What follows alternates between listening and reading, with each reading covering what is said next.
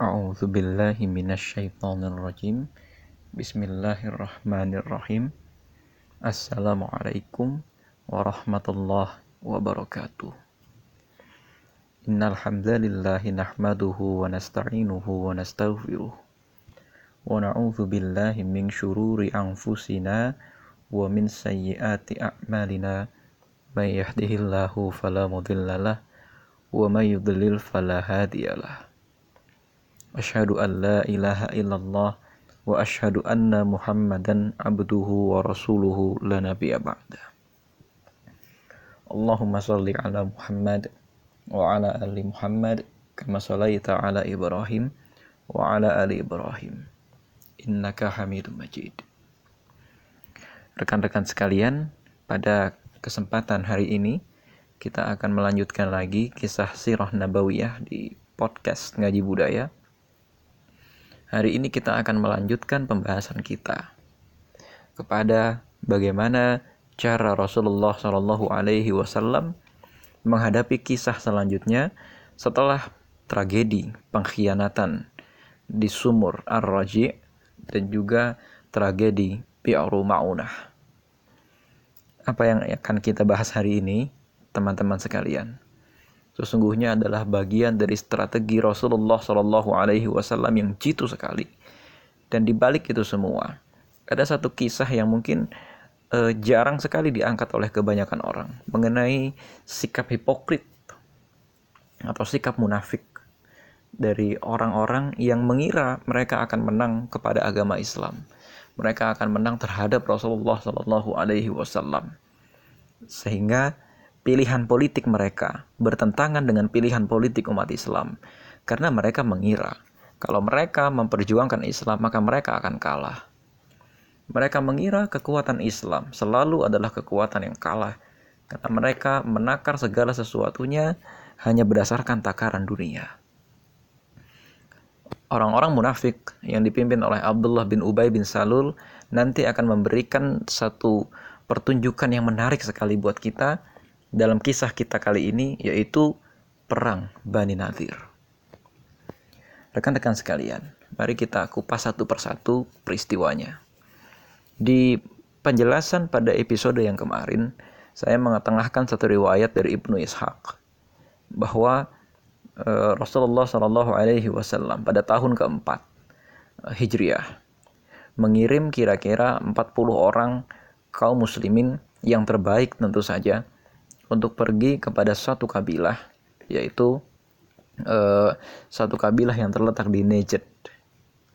Akan tetapi ternyata teman-teman sekalian di tengah perjalanan uh, kabilah yang ada di Najd ini yaitu kabilah Daus mengkhianati 40 orang kaum muslimin ini. Akhirnya 40 orang ini pun syahid dan kemudian kalau menurut riwayat Ibnu Ishaq ada dua orang Ansor yang kebetulan sedang main ke Najd ini sedang bermain ke kaum yang mengkhianati Rasulullah Shallallahu Alaihi Wasallam ini. Akan tetapi rekan-rekan sekalian, ternyata e, pengkhianatan mereka ini diketahui oleh dua orang Ansor ini dan dua orang ini kemudian melawan. Nah, salah satu di antara orang Ansor ini juga ikut terbunuh dan salah satu di antara mereka yaitu Amr bin Umayyah ad-Domri bisa pulang ke Madinah karena selamat tetapi rekan-rekan sekalian, ada riwayat yang lebih sahih dari Imam Al-Bukhari. Riwayat ini teman-teman sekalian menyebutkan bahwa ada 70 orang sahabat Nabi yang dikirim kepada uh, kabilah Daus. Jadi bukan 40 orang akan tetapi 70 orang dan dua orang Ansor ini termasuk ke dalam 70 orang yang diutus. Termasuk juga Amr bin Umayyah At-Tomri. Jadi dari 70 orang yang diutus yang kembali cuma satu dan yang satu orang inilah Amr bin Umayyah inilah yang menceritakan bagaimana ihwal atau bagaimana peristiwa dari tragedi pengkhianatan Bi'aru Ma'unah yang membuat hampir 70 orang terbaik sahabat Rasulullah Shallallahu alaihi wasallam gugur. Masih dalam kondisi duka cita perang Uhud, rekan-rekan sekalian. Di perang Uhud kita tahu 70 orang kaum muslimin itu syahid dan kemudian di tragedi Ar-Raji, sekitar 10 orang menurut riwayat Imam Al-Bukhari juga syahid. Artinya di sini rekan-rekan sekalian, kurang lebih sekitar 150 orang sahabat Nabi syahid di medan dakwah. Jadi yang satu ini, yang satu kelompok 70 orang syahid di medan perang, yang 10 orang syahid dalam misi pengutusan mereka, yang 70 orang juga syahid dalam misi pengutusan mereka. Dua-duanya dikhianati. Jadi kalau dari peristiwa ini teman-teman sekalian, ibrohnya adalah ketika kita berdakwah, memang kapan pun kita harus siap syahid. Kalau peristiwa yang pertama memang di medan perang, yang memang konsekuensi logisnya mau tidak mau akan ada yang syahid kalau peristiwa yang kedua, tragedi Ar-Raji dan tragedi Maunah, ini bicara tentang kita sudah dikirim ke sebuah tempat, tapi ternyata mungkin tempat itu belum terkondisikan. Dan Rasulullah Shallallahu Alaihi Wasallam ternyata masih saja terkecoh, masih saja tertipu. Ya, ini kan kejadiannya ada uh, dua suku, itu yang satu uh, kabilah masih saudara orang Quraisy juga, yang satu ini dari kabilah Daus. Dua-duanya menipu Rasulullah Shallallahu Alaihi Wasallam sehingga Rasulullah mengirimkan 80 orang sahabatnya 10 orang ke kabilah Huzail yang 70 orang itu dikirim ke kabilah Daus ternyata semuanya meninggal semuanya syahid ini pukulan berat buat kaum muslimin dan ini juga pembelajaran buat kita bahwa memang kita harus senantiasa siap untuk syahid di medan dakwah ini.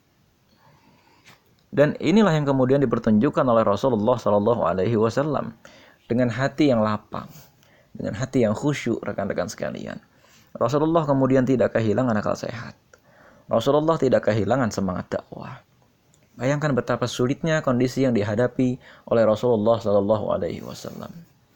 Dan kenapa Rasulullah Shallallahu Alaihi Wasallam bisa bersikap dengan tenang, bisa bersikap tetap mengendalikan dirinya ketika bahkan ada ini mungkin sekitar 150 keluarga perhatikan 150 kepala keluarga yang syahid artinya mendadak banyak janda ini di kota Madinah mendadak banyak anak yatim mendadak banyak keluarga-keluarga yang kehilangan tulang punggung inilah harga yang harus dibayar untuk dakwah dan kenapa Rasulullah Shallallahu Alaihi Wasallam bisa tetap tenang dalam kondisi yang semacam ini tidak lain tidak bukan karena Rasulullah itu menciptakan circle atau menciptakan lingkungan yang juga mendukung dakwah. Artinya satu kota Madinah itu sudah terkondisikan.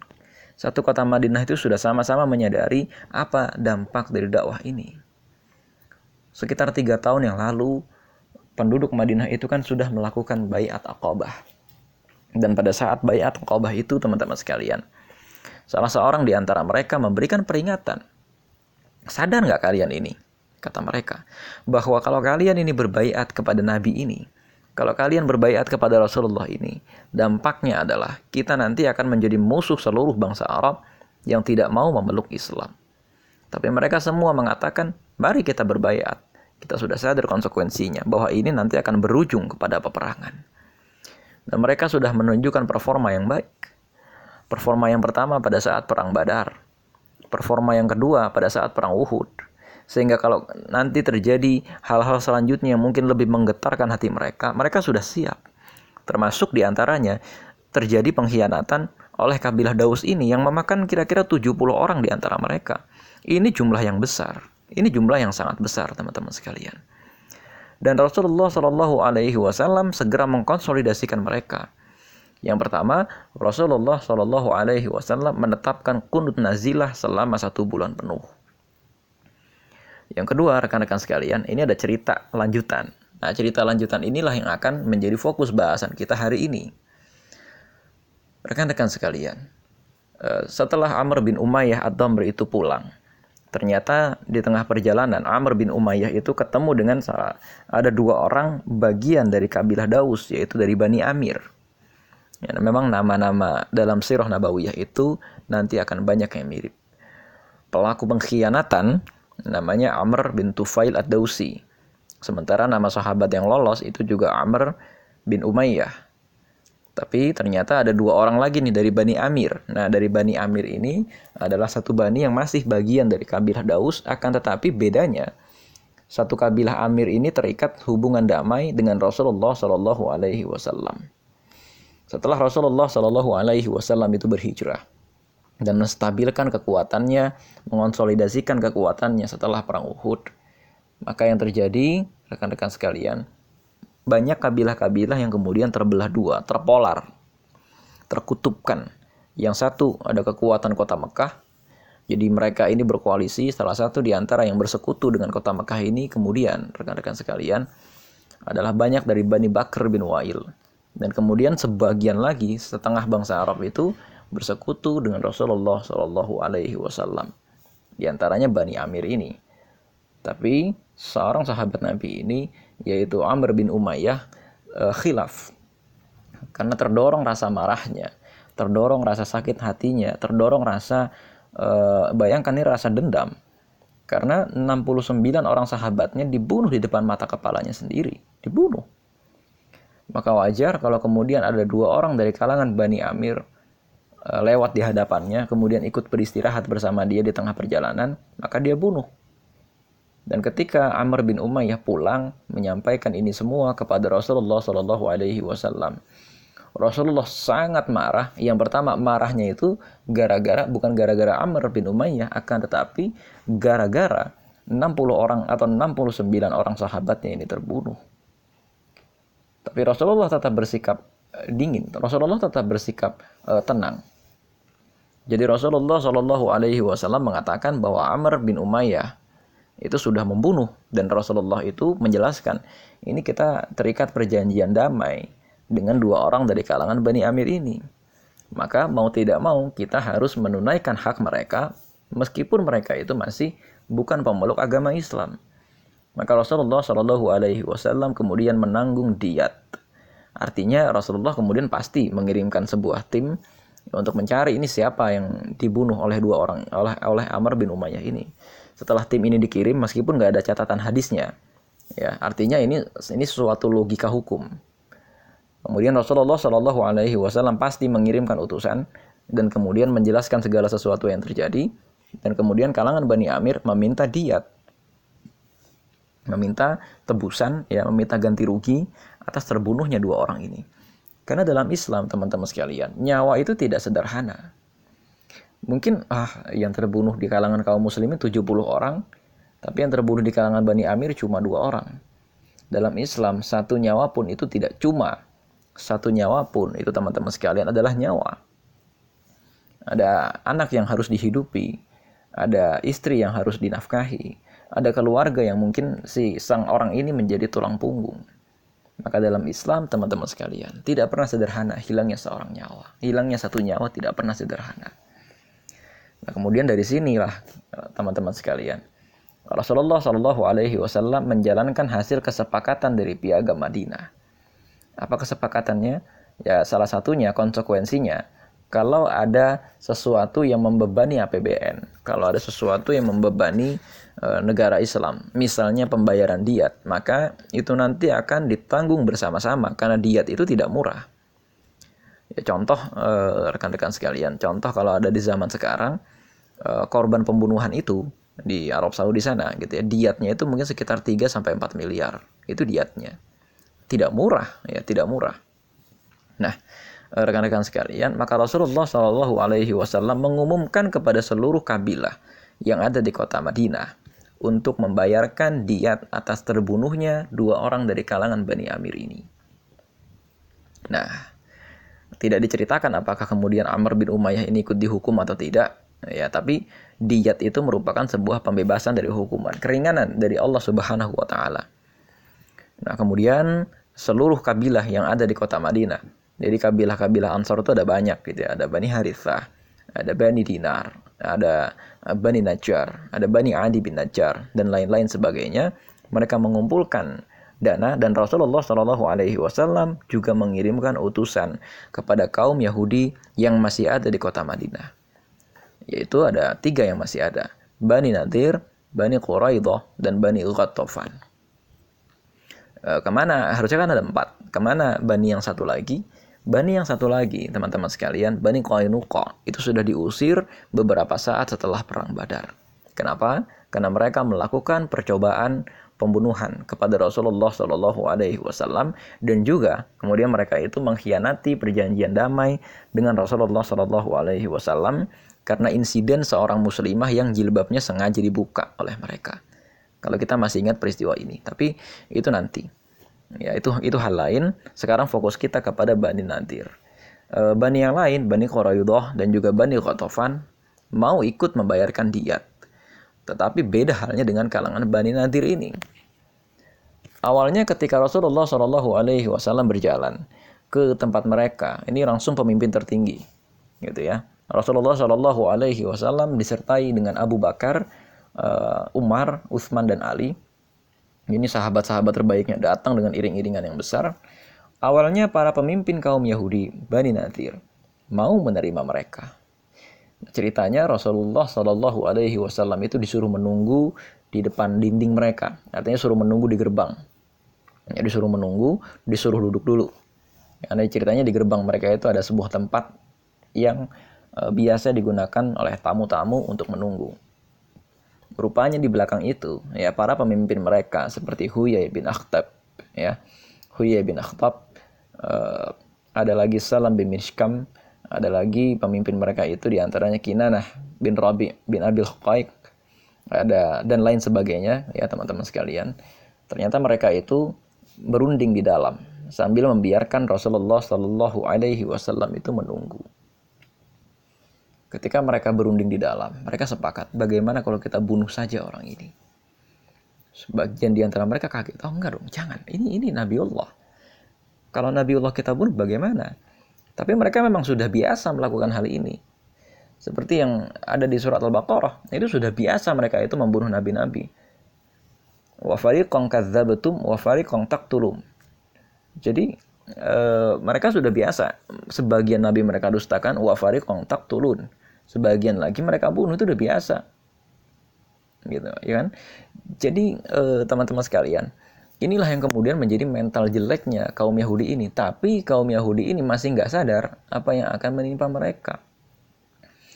Akhirnya mereka sepakat untuk mencari batu besar yang batu ini rencananya akan dijatuhkan ke kepala Rasulullah Shallallahu Alaihi Wasallam dari atas tembok benteng. Ya, jadi eh, rekan-rekan sekalian, kalau kita mau mendemonstrasikan peristiwa ini, jadi Rasulullah itu duduk di pinggir Ah, kemudian eh, bersandar kepada sebuah tembok. Nah, dari atas tembok itu yang kira-kira cukup tinggi, teman-teman sekalian, nanti akan dijatuhkan batu yang rencananya batu itu akan membunuh Rasulullah Shallallahu Alaihi Wasallam. Tapi di tengah kejadian itu datanglah malaikat Jibril mewahyukan kepada Rasulullah Shallallahu Alaihi Wasallam. Ini termasuk mujizat bahwa itu nanti di atas kaum Yahudi akan membunuhmu. Maka segera Rasulullah Shallallahu Alaihi Wasallam pergi dari tempat itu dan kembali ke Madinah. Artinya kembali ke tengah kota Madinah dan melakukan musyawarah. Nah, kemudian dari sini teman-teman sekalian, inilah titik awal terjadinya perang Bani Nadir. Nah, rekan-rekan sekalian, di sini terletak pertolongan Allah Subhanahu wa taala ya bahwa ya insya Allah gitu ya Rasulullah Shallallahu Alaihi Wasallam akan dijamin menang. Maka kemudian Rasulullah Shallallahu Alaihi Wasallam dihindarkan dari potensi-potensi terbunuh karena selain usianya atau selain dari ajal yang sudah ditetapkan karena Rasulullah Shallallahu Alaihi Wasallam ditakdirkan untuk menang. Ini termasuk mujizat, gitu ya. Ini termasuk mujizat. Nah, dari sini eh, rekan-rekan sekalian, gitu ya, maka kaum Yahudi Bani Nadir secara resmi berarti menyatakan perang. Itu loh yang jadi masalah. Ya. Uh, setelah kaum Yahudi Bani Nadir ini secara resmi uh, menyatakan perang, gitu ya. Rasulullah Shallallahu Alaihi Wasallam itu kemudian berangkat mengepung orang-orang Bani Nadir selama enam hari. Nah, kemudian ketika Rasulullah Shallallahu Alaihi Wasallam mengumpulkan pasukan mengepung Bani Nadir itu, teman-teman sekalian, biasa. Kemudian di sinilah orang-orang munafik datang memberikan utusan kepada kalangan Bani Nadir. Orang-orang munafik itu di antaranya adalah uh, Abdullah bin Ubay bin Salul. Nah, Abdullah bin Ubay bin Salul itu, ya teman-teman sekalian, itu orang yang reputasinya sudah hancur di kota Madinah, akan tetapi masih memiliki pengikut dan cukup banyak. Buktinya apa? Ketika perang Uhud misalnya, eh, Abdullah bin Ubay bin Salul itu pergi bersama dengan 300 orang. Artinya minimal 300 tenaga tempur. Ini cukup kuat. Sedangkan Rasulullah Shallallahu Alaihi Wasallam pada saat itu juga habis kehilangan sekitar 150 orang. 70 orang wafat di perang Uhud, yang 80 orang lebih itu wafat pada saat peristiwa pengutusan ke Bi'ru Maunah. Nah, Abdullah bin Ubay bin Salul kemudian datang kepada kaum Yahudi Bani Nadir memberikan jaminan. Kalau nanti Muhammad memerangimu, kalau nanti Muhammad akan mengusirmu, tenang saja kau jangan pergi. Karena apa? Karena aku akan memberikan bantuan kepadamu sejumlah 2000 pasukan. Jadi yang dijanjikan itu 2000 pasukan oleh Abdullah bin Ubay bin Salul. Ini padahal teman-teman sekalian, secara zahir, secara fisiknya Abdullah bin Ubay bin Salul itu satu partai dengan Nabi Muhammad Shallallahu alaihi wasallam. Partai Islam. Pada hakikatnya satu kelompok gitu ya. Kelompok Islam akan tetapi ternyata kebusukan dia udah kebuka. Gitu loh. Kebusukan dia kebukanya bagaimana? Karena ternyata ketika Rasulullah Shallallahu alaihi wasallam telah jelas menegakkan konstitusi, telah jelas hukumnya bahwa orang-orang yang melanggar perjanjian piagam Madinah harus diusir dari kota Madinah, bahkan melakukan percobaan pembunuhan kepada pemimpin tertinggi pada saat itu. Ini kan bukan cuma makar, artinya sudah percobaan pembunuhan. Akan tetapi malah ada sekelompok eh, yang kalau menurut orang luar kaum muslimin, ini kaum muslimin juga gitu loh ada sekelompok orang yang malah berkhianat dan kemudian berpihak kepada pengkhianat ini, malah berpihak kepada kaum separatis ini, yaitu kaum Yahudi, Bani Nadir. Jadi teman-teman sekalian, kalau kita tarik deliknya di hukum di zaman sekarang, deliknya ini ada dua. Yang pertama, tidak mau mengikuti atau tidak mau menjalankan kewajiban sebagai warga negara, yaitu menanggung bersama-sama kerugian yang diderita oleh negara. Gara-gara kesalahan salah satu warga negaranya memang. Dalam tanda kutip misalnya ini negara lagi krisis dia nggak mau bayar pajak gitu loh. Dia ingkar nah ini kan juga termasuk salah satu langkah mengganggu kebijakan negara mengganggu setiap keputusan yang sedang dijalankan oleh negara Nah, ini kemudian peristiwa yang kedua yang menyebabkan kalau secara delik hukum zaman sekarang kaum Yahudi ini memang bersalah, percobaan pembunuhan kepada pemimpin tertinggi. Karena kaum Yahudi itu sudah bersepakat untuk menjatuhkan batu, kan itu masalahnya. Maka kemudian Rasulullah Shallallahu Alaihi Wasallam mengepung mereka wajar. Kemudian mereka diberikan ultimatum, kan itu yang menjadi masalah. Nah, ultimatum kepada mereka itu, ya teman-teman sekalian, mereka itu satu mau masuk Islam, atau yang kedua tidak mau masuk Islam, terus mereka diperangi sampai habis, diberikan jangka waktu sekitar 10 hari untuk pergi dari kota Madinah atau yang ketiga langsung aja pergi. Nah, maka Rasulullah Shallallahu Alaihi Wasallam mengepung mereka selama enam hari. Nah di tengah-tengah pengepungan itu Abdullah bin Ubay bin Salul biasa dengan hipokritnya menemui kaum Yahudi Bani Nadir dan menawarkan bantuan. Jadi teman-teman sekalian, di tengah-tengah kesatuan politik umat Islam, pasti akan ada orang-orang munafik semacam ini yang kemudian mengacaukan kesatuan politik ini. Bagi kalangan Yahudi. Jadi kan ini seakan-akan kedudukan Rasulullah Shallallahu Alaihi Wasallam sangat lelah, sangat lemah. Karena apa? Karena ternyata ini ada pengkhianat namanya Abdullah bin Ubay bin Salul. Ini seperti perilaku politisi di zaman sekarang yang dia itu sukanya berkonflik, sukanya keributan. Jadi orang ini nih seakan-akan sukanya berdialektika, padahal yang dia lakukan itu bukan dialektika, yang dia lakukan itu sesungguhnya teman-teman sekalian adalah tindakan memecah belah kesatuan kaum muslimin. Justru yang dia lakukan itu mendukung provokator, mendukung orang-orang yang melakukan pelanggaran kepada hukum.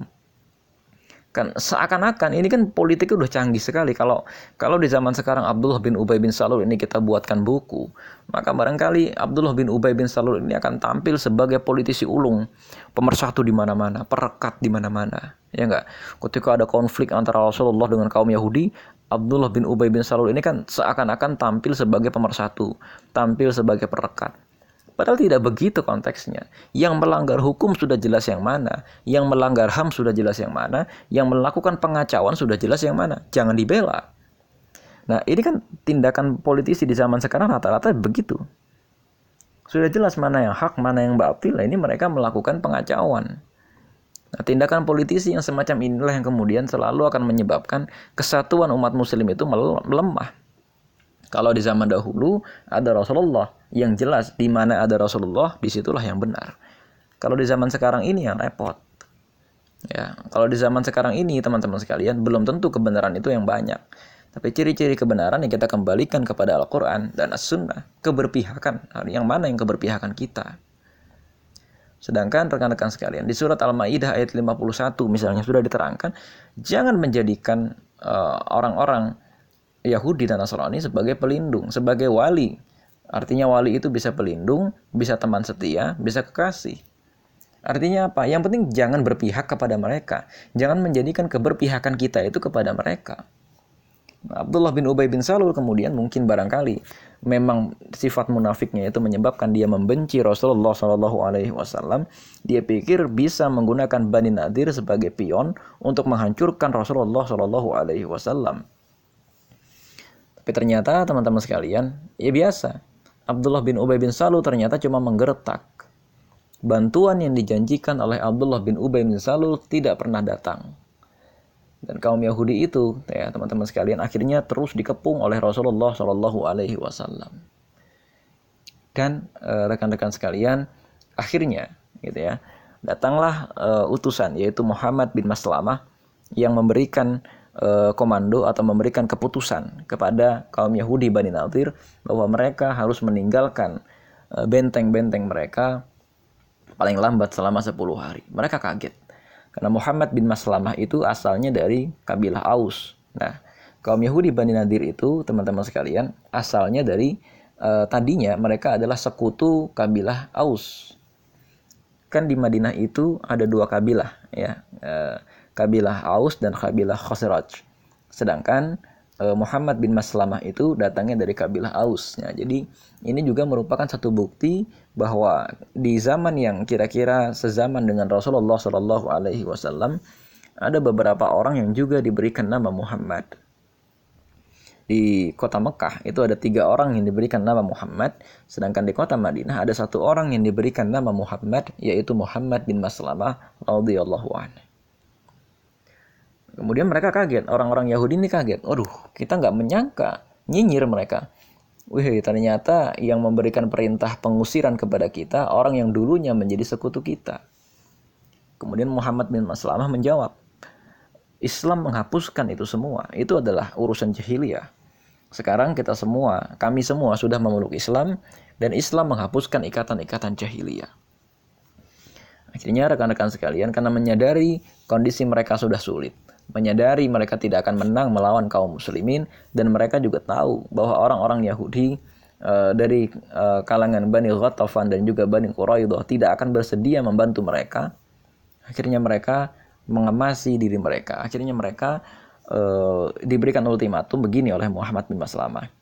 Kalian pergi hanya dengan membawa barang-barang yang bisa dibawa oleh seekor unta artinya cuma bawa perabot rumah aja ya bawa perabot bawa apa yang hanya bisa dibawa oleh unta dan akhirnya eh, rekan-rekan sekalian gitu ya mereka pun pergi sampai kalau menurut kesaksian beberapa orang sahabat pada saat itu mereka bahkan sampai membawa pintu rumah dan juga membawa jendela agar kaum muslimin tidak bisa memanfaatkan rumah-rumah mereka, tidak bisa memanfaatkan sisa peninggalan mereka. Dan rekan-rekan sekalian, inilah akhir dari kisah perang Bani Nadir. Jadi ini kisah yang dramatis sekali yang menceritakan bagaimana eh, orang-orang uh, munafik keberpihakan itu sudah tidak jelas. Dan ini orang-orang kaum muslimin mengetahui karena memang sudah terjadi pemisahan atau sudah terjadi uh, dikotomi yang besar sekali, sudah terjadi uh, pembedaan atau pencirian yang ketara sekali pada saat terjadinya perang Uhud karena kaum munafik pada saat itu tiba-tiba mundur dan ini langsung kelihatan oh ini nih yang munafik dan Allah Subhanahu wa taala juga sudah menurunkan surat Al-Munafikun terkait dengan hal ini teman-teman sekalian. Jadi Abdullah bin Ubay bin Salul itu sudah tidak punya pilihan. Sudah tidak punya pilihan lagi, e, mereka sudah tidak bisa lagi menyembunyikan kekafirannya, tapi mereka tetap di depannya Islam. Dan di sini ya rekan-rekan sekalian, sabda Rasulullah Shallallahu Alaihi Wasallam itu menjadi kenyataan. Ciri-cirinya orang munafik itu kan susah sholat subuh sama susah sholat isya. Kenapa? Dua sholat itu nggak kelihatan masih malam. Mereka cuma mau sholat di tempat-tempat yang itu terlihat terang. Biar seakan-akan mereka itu masih muslim. Akan tetapi hati mereka itu sudah bukan muslim. Buktinya dari mana? Buktinya keberpihakan politik mereka Jadi kalau cuma syahadat cuma diucapkan tapi tidak tampak melalui tindakan-tindakan politik, tidak tampak melalui keberpihakan budaya, tidak tampak melalui al-wala wal bara, syahadat itu menjadi syahadat yang tidak sempurna dan tidak akan menyelamatkan kita di hari akhirat nanti.